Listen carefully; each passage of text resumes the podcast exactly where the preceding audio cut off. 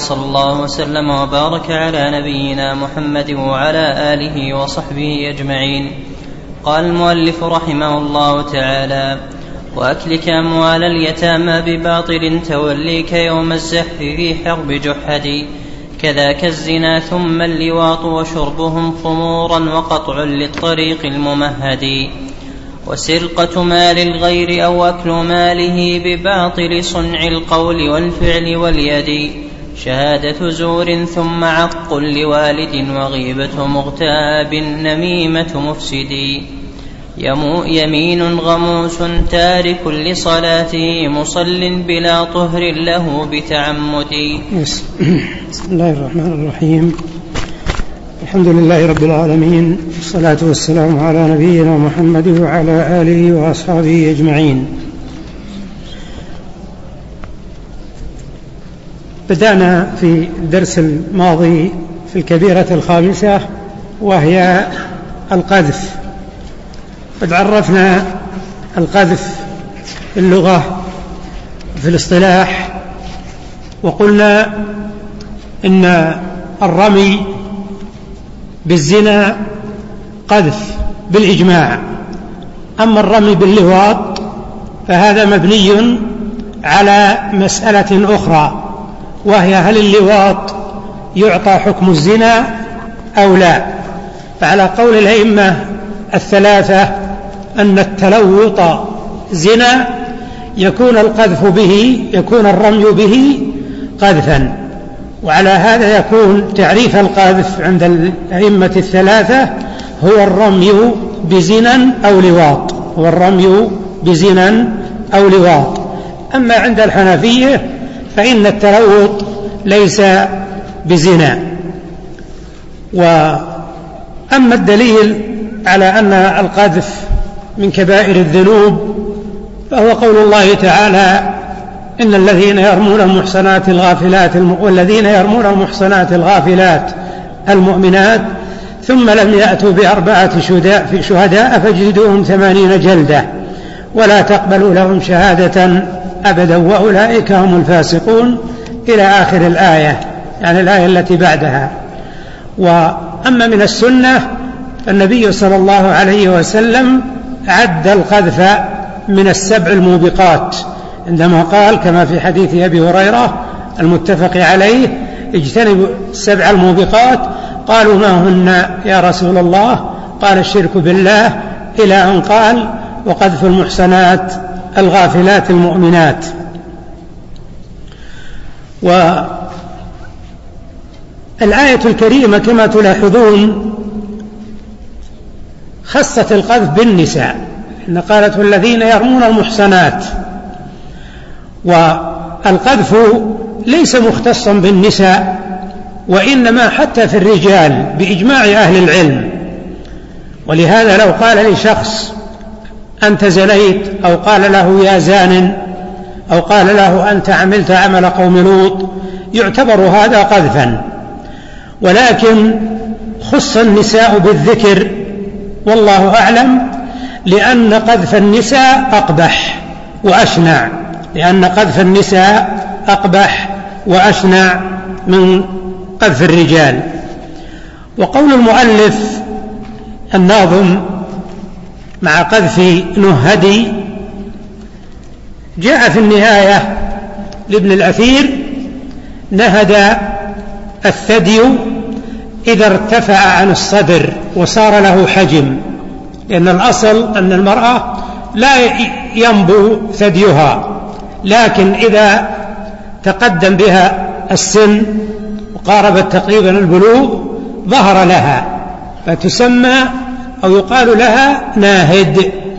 فالناهد هي المرأة التي ظهر أو ارتفع ثديها عن صدرها وصار له حجم. الكبيرة التي تليها وهي السادسة يقول الناظم وأكلك أموال اليتامى بباطل. فقوله وأكلك الخطاب لمن؟ الخطاب لولي اليتيم ولغيره. الخطاب لولي اليتيم ولغيره.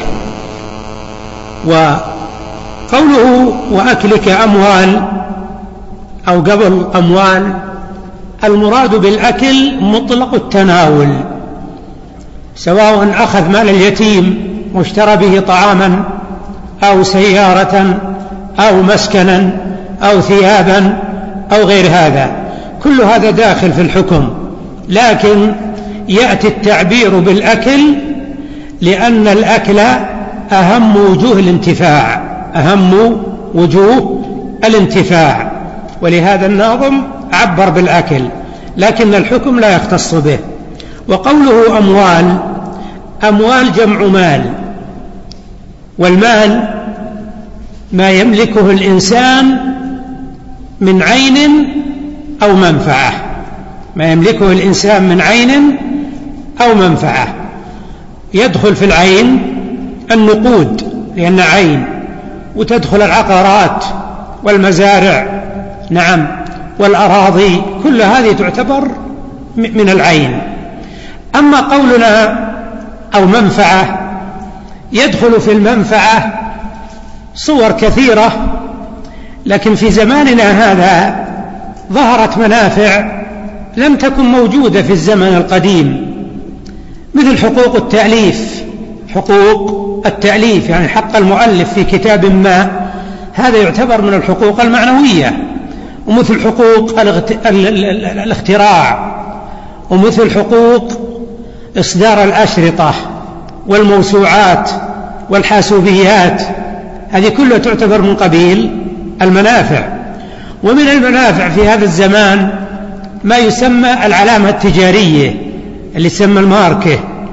ومن المنافع في هذا الزمان الاسم التجاري أيضا للمحل فكل هذه تعتبر داخلة في عموم المال داخلة في عموم المال. ولهذا قلنا في تعريف المال وما يملكه الإنسان من عين أو منفعة. وأكلك أموال اليتامى. اليتامى جمع يتيم واليتيم من مات أبوه قبل البلوغ من مات أبوه قبل البلوغ. بباطل وأكلك أموال اليتامى بباطل. هذا قيد لا بد منه. قيد لا بد منه. لأن أكل مال اليتيم إما أن يكون بحق وإما أن يكون بباطل. فأكل مال اليتيم بحق هذا يجوز. مثل لو أن الولي أكل من مال اليتيم بقدر قيامه على مال اليتيم كما ذكر الله تعالى في القرآن. نعم وابتلوا اليتامى حتى إذا بلغوا النكاح فإن آنستم منهم رشدا فادفعوا إليهم أموالهم ولا تأكلوها إسرافا وبدارا أن يكبروا. ومن كان غنيا فليستعفف ومن كان فقيرا فليأكل بالمعروف. فإذا أكل الولي من مال اليتيم بالمعروف والمراد بالمعروف يا إخوان إذا وردت كلمة المعروف في القرآن مثل هالموضوع ذا يفسر المعروف بما يقره العرف والشرع. ما يفسر بما يقره العرف فقط. لا لأن العرف قد لا يكون صحيحا أحيانا لكن يقال ما يقره العرف والشرع. نعم. فإذا أكل الولي من مال اليتيم بقدر قيامه على مال اليتيم فإن هذا يجوز ويكون الأكل بحق ومثل هذا لو أن القاضي حدد للولي جزءا من مال اليتيم يعني كمرتب مثلا هذا يعتبر أيضا بحق. أما ما عدا هذا وهو التعدي على مال اليتيم كما قلنا في مسألة الأكل أو شراء سيارة أو نحو هذا فإن هذا لا يجوز. وحتى الولي لو تعدى لصار أكله محرما. يعني لو جاء الولي وأخذ من مال اليتيم مثلا مئتي, مئتي ألف ريال. ما أدري أنا قيام السيارات عندكم وش تسوى حتى أني أقدر لكم. مئتي ألف ريال مثلا واشترى له سيارة. نعم هذا يعتبر من التعدي. هذا لم يأكل بالمعروف. هذا لم يأكل بالمعروف. فالمقصود بهذا أن الأكل من مال اليتيم إن كان بباطل يعني ظلم هذا كبيرة. وإن كان بحق فهذا جائز. طيب. الدليل على أن أكل مال اليتيم من الكبائر قول الله تعالى إن الذين يأكلون أموال اليتامى ظلما. إنما يأكلون في بطونهم نارا وسيصلون سعيرا. وسيصلون سعيرا. يعني يعني تأمل الآية الكريمة. يعني كيف أن الله جل وعلا ما اكتفى بقوله سيصلون سعيرا. قال لبيان أن الحرارة صارت في بطونهم وصارت في ظاهر أجسامهم.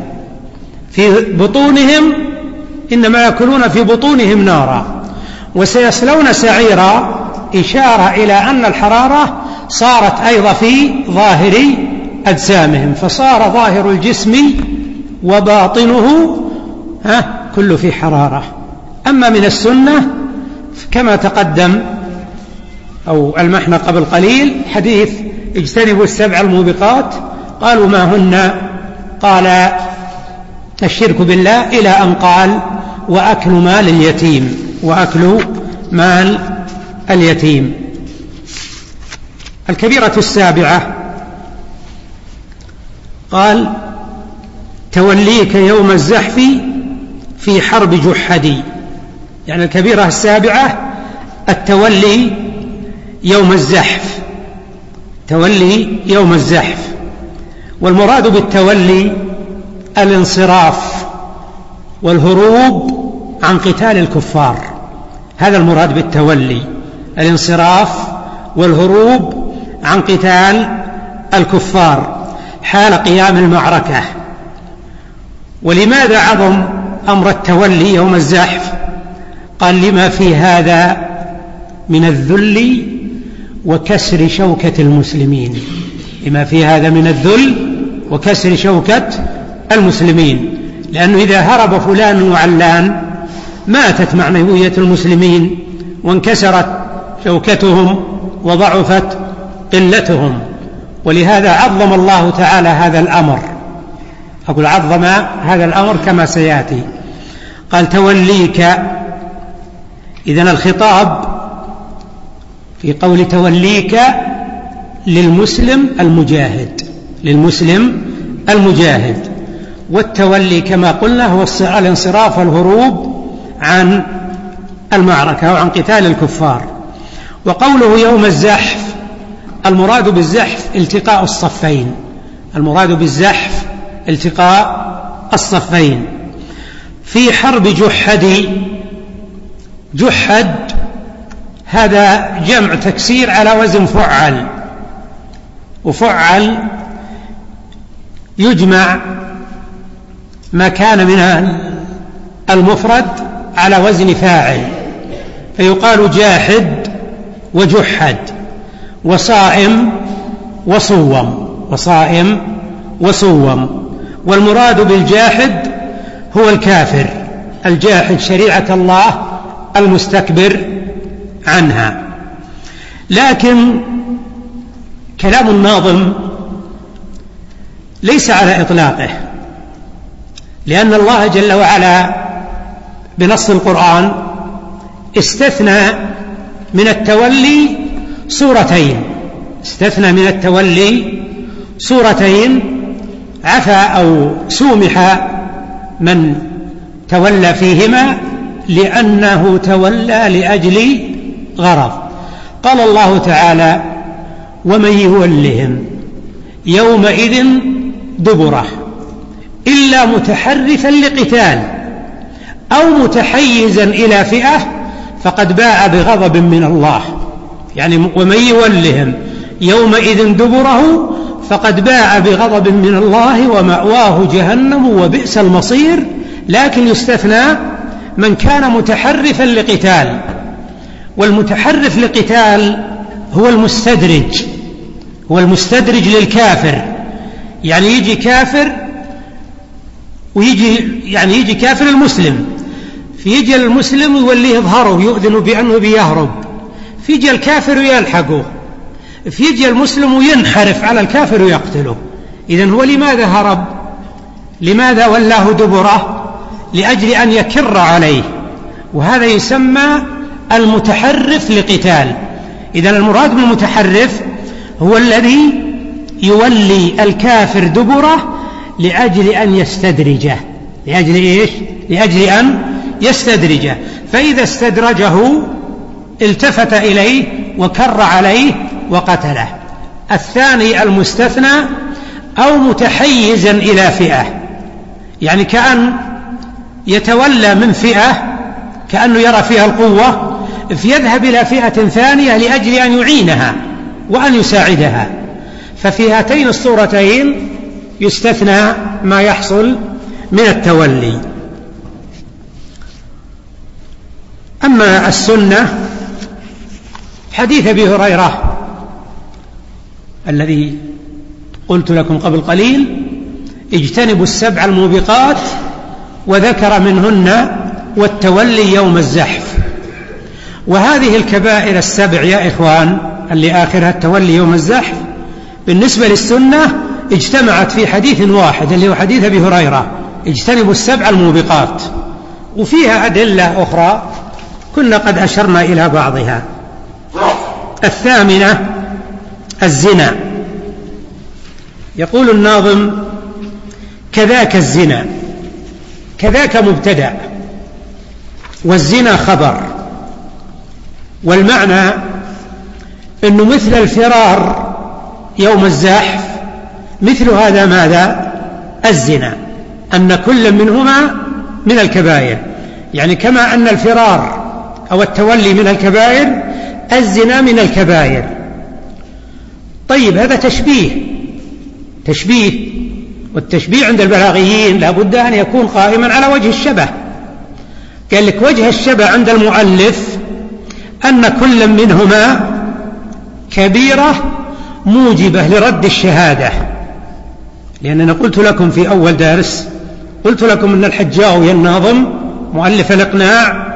ذكر الكبائر هذه لما تكلم في باب الشهادات وذكر أن الذي ترد شهادته هو من تلبس بكبيرة من تلبس بكبيرة.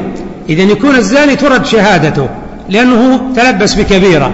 من تولى يوم الزاح ترد شهادته لأنه تلبس بكبيرة. هذا معنى قول الناظم هنا كذاك الزنا كذاك الزنا. والزنا يقال بالمد فيقال الزناء يعني تكتب الهمز بعد الألف. ويقال الزنا بالقصر دون ألف. وهذه لغة الحجازيين هم الذين يقولونه بالقصر. أما أهل نجد فهم الذين يستعملونه بالمد. والقرآن ما نزل بلغة أهل نجد. وإنما نزل بلغة أهل الحجاز. أما تعريف الزنا فهو فعل الفاحشة في القبل إجماعا وفي الدبر على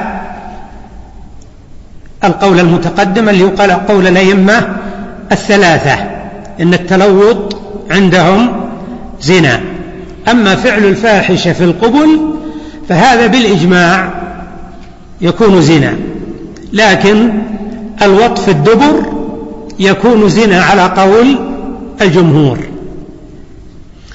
وأما كون الزنا من الكبائر فهذا واضح لأن الله جل وعلا قال ولا تقربوا الزنا إنه كان فاحشة وساء سبيلا. وقال تعالى واللاتي يأتين الفاحشة من نسائكم فاستشهدوا عليهن أربعة منكم فإن شهدوا فأمسكوهن في البيوت حتى يتوفاهن الموت أو يجعل الله لهن سبيلا. ثم نسخ هذا اللي في سورة النساء نسخ بإقامة الحد ونحن قد ذكرنا في الدرس الماضي أن من علامات الكبيرة ثبوت الحد في دار الدنيا. ومعلوم أن المحصن يرجم وغير المحصن يجلد ويغرب. ومن الأدلة من السنة قول النبي صلى الله عليه وسلم لا يزني الزاني حين يزني وهو مؤمن. ومر علينا في الدرس الماضي أن نفي الإيمان من علامات الكبائر أو من علامات الكبيرة. ولا تنسوا أن المراد نفي كمال الإيمان. أقول نفي كمال الإيمان وليس المراد نفي أصل الإيمان. الكبيرة التاسعة قال ثم اللواط. إذا الكبيرة التاسعة عمل قوم لوط. قال الذهبي رحمه الله أجمع المسلمون من أهل الملل أن التلوط من كبائر الذنوب. أجمع المسلمون من أهل الملل على أن التلوط من كبائر الذنوب. وقول المؤلف اللواط اللواط كما هو معلوم هو إتيان الذكر الذكر هو إتيان الذكر الذكر. وفاعل هذا يقال له لوطي. يقال له لوطي ليس نسبة إلى لوط وإنما نسبة إلى فعل قوم لوط وإنما هو نسبة إلى فعل قوم لوط. وقد ذكر الله تعالى هذه الفعلة الشنيعة في القرآن وقص علينا خبر قوم لوط تحذيرا لنا أن نسلك سبيلهم فيصيبنا ما أصابهم. قال الله تعالى عنهم إنكم لتأتون الفاحشة ما سبقكم بها من أحد من العالمين. فهي فعلة شنيعة لم يسبق أن أحدا من قبل قوم لوط تعاطاها. لم يسبق أن أحدا من قبل قوم لوط أنه تعاطاها. وقال تعالى أتذرون أتأتون الذكران من العالمين وتذرون ما خلق لكم ربكم من أزواجكم بل أنتم قوم عادون. ومعنى عادون يعني متجاوزون من الحلال إلى الحرام من الحلال إلى الحرام.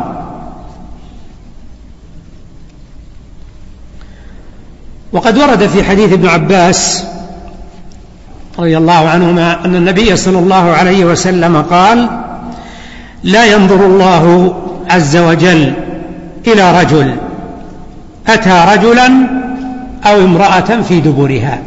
لا ينظر الله عز وجل إلى رجل أتى رجلا أو امرأة في دبرها.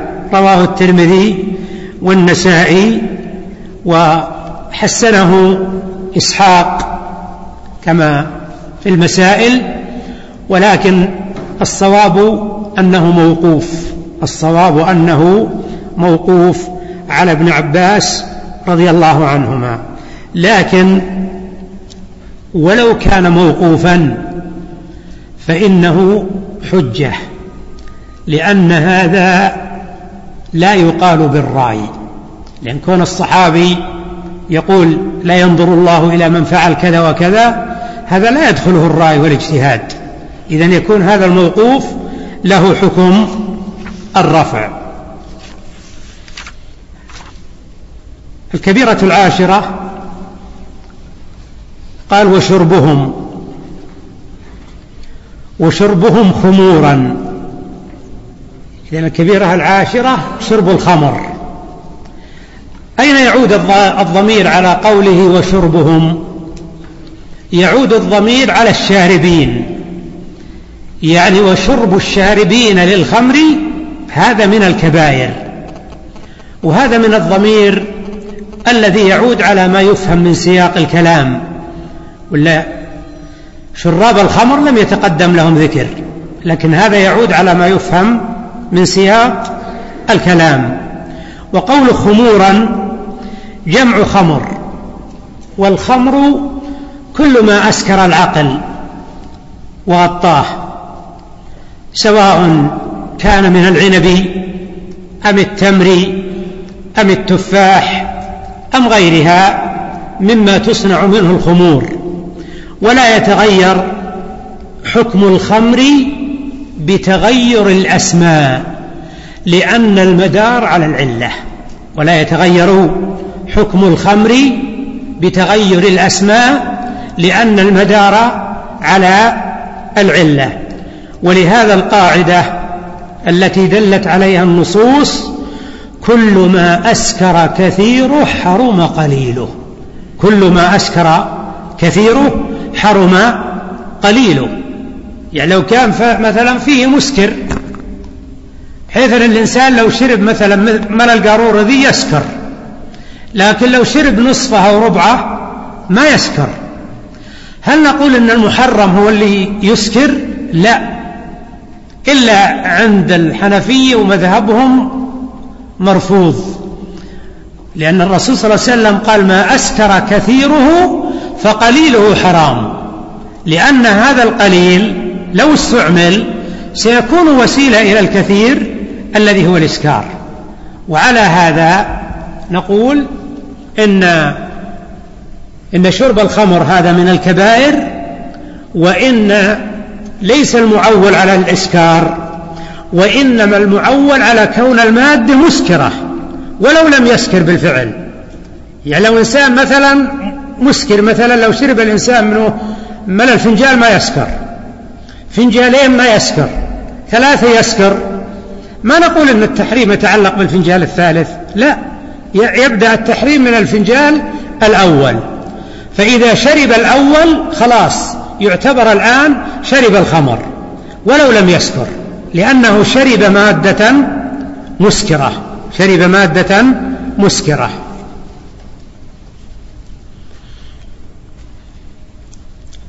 أما الدليل على أن الخمر من الكبائر فأولا أن الله جل وعلا قال في القرآن يا أيها الذين آمنوا إنما الخمر والميسر والأنصاب والأزلام رجس من عمل الشيطان. وقال النبي صلى الله عليه وسلم كما في الحديث الذي مر لا يزني الزاني حين يزني وهو مؤمن. قال ولا يشرب الخمر حين يشربها وهو مؤمن. ولا يشرب الخمر حين يشربها وهو مؤمن. إذا من شرب الخمر زال عنه الإيمان يعني كمال الإيمان. وقد ورد في الصحيح صحيح مسلم من شرب الخمر في الدنيا فمات ولم يتب منها لم يشربها في الآخرة. وهذا يعتبر من الوعيد هذا يعتبر من من الوعيد. حتى إن بعض العلماء كالخطابي والبغوي فسر كلمة لم يشربها في الآخرة بأنه لا يدخل الجنة لأن الجنة فيها خمر. فإذا جاء في الرواية لم يشربها في الآخرة وفي رواية أخرى حرمها في الآخرة فسر الخطابي والبغوي ومن تبعهما أن هذا كناية عن عدم دخول الجنة.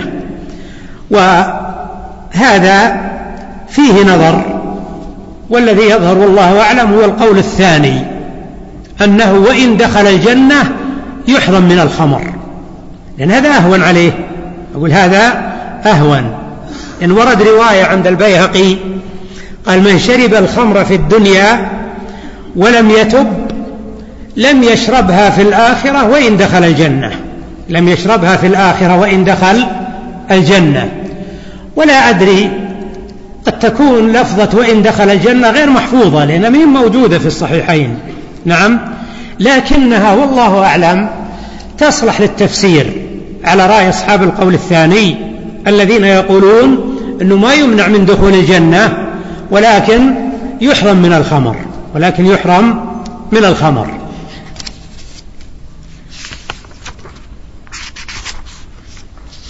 الكبيرة الحادية عشرة قال وقطع للطريق الممهد. يعني الكبيرة الحادية عشرة هي قطع الطريق. ما المراد بقطع الطريق؟ قال العلماء المراد بقطع الطريق إخافة السبيل يعني إخافة الناس في طرقهم. فمن أخاف الناس في طرقهم ارتكب كبيرة من كبائر الذنوب. فكيف إذا أخذ المال؟ فكيف إذا قتل؟ فكيف إذا جرح وفعل عدة كبائر؟ لا شك أن هذا أعظم. لكن أقول المراد بقطع الطريق الذي هو من الكبائر مجرد إخافة السبيل يعني مجرد إخافة الطريق. ولهذا قال وقطع. فقوله وقطع معطوف على ما تقدم. والتقدير وكذاك قطع. للطريق. الطريق هو السبيل الذي يطرق بالأرجل يعني يضرب. هذا معناه الطريق معناه السبيل. وسمي السبيل طريقا لن يطرق يعني يضرب بالأرجل والناس في ذهابهم وإيابهم. هذا معنى الطريق. وقوله الممهد أي المهيأ الذي يسلكه الناس لأن العادة أن الطرق تكون مهيئة وممهدة للناس يسيرون عليها آمنين مطمئنين. فإذا جاء من يخيفهم فإذا جاء من يخيفهم في طريقهم يكون قد تلبس والعياذ بالله بكبيرة من كبائر الذنوب كبيرة من كبائر الذنوب. ولماذا قيل له قاطع طريق؟ ها؟ لأن الناس يمتنعون من هذا الطريق الذي هو فيه فكأنه قطعه على الناس فكأنه قطعه على الناس. مع أن التعبير بقطع الطريق مخالف للفظ القرآن ولهذا تجد بعض الفقهاء في كتب الفقه يقول باب المحاربة وبعضهم يقول باب قطع الطريق وباب المحاربة هذا أعم. وأشمل وهو الموافق للقرآن في قول الله تعالى إنما جزاء الذين يحاربون الله ورسوله ويسعون في الأرض فسادا أن يقتلوا أو يصلبوا أو تقطع أيديهم وأرجلهم من خلاف أو ينفوا من الأرض. فالمقصود أن قطع الطريق جاء فيه هذا الوعيد وهو يعتبر من كبائر الذنوب.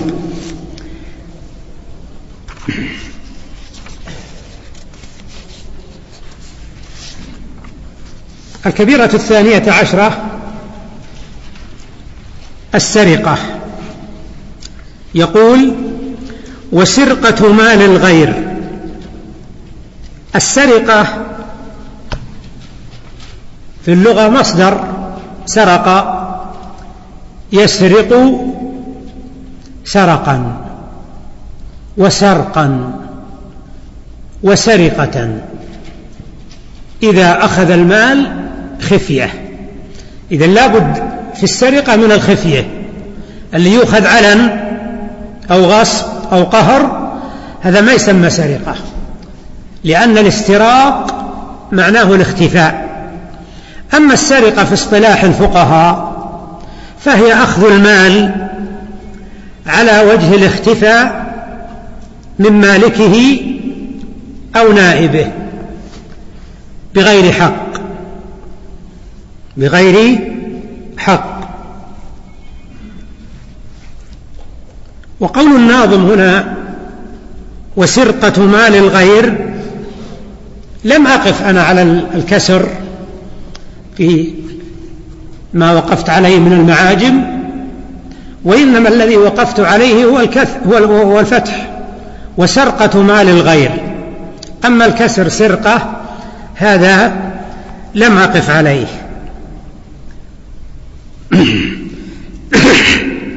الدليل على أن السرقة من الكبائر واضح وهو ثبوت الحد لأن الله جل وعلا قال والسارق والسارقة فاقطعوا أيديهما جزاء بما كسبا نكالا من الله والله عزيز حكيم. والنبي صلى الله عليه وسلم قال ولا يسرق السارق حين يسرق وهو مؤمن.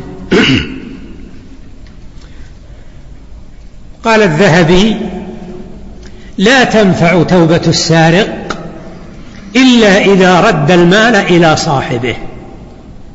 فإن كان مفلسا يعني ما يقدر يرد المال أفلس تحلل منه تحلل منه. الكبيرة الثالثة عشرة أكل المال الحرام. أو انتهى الوقت.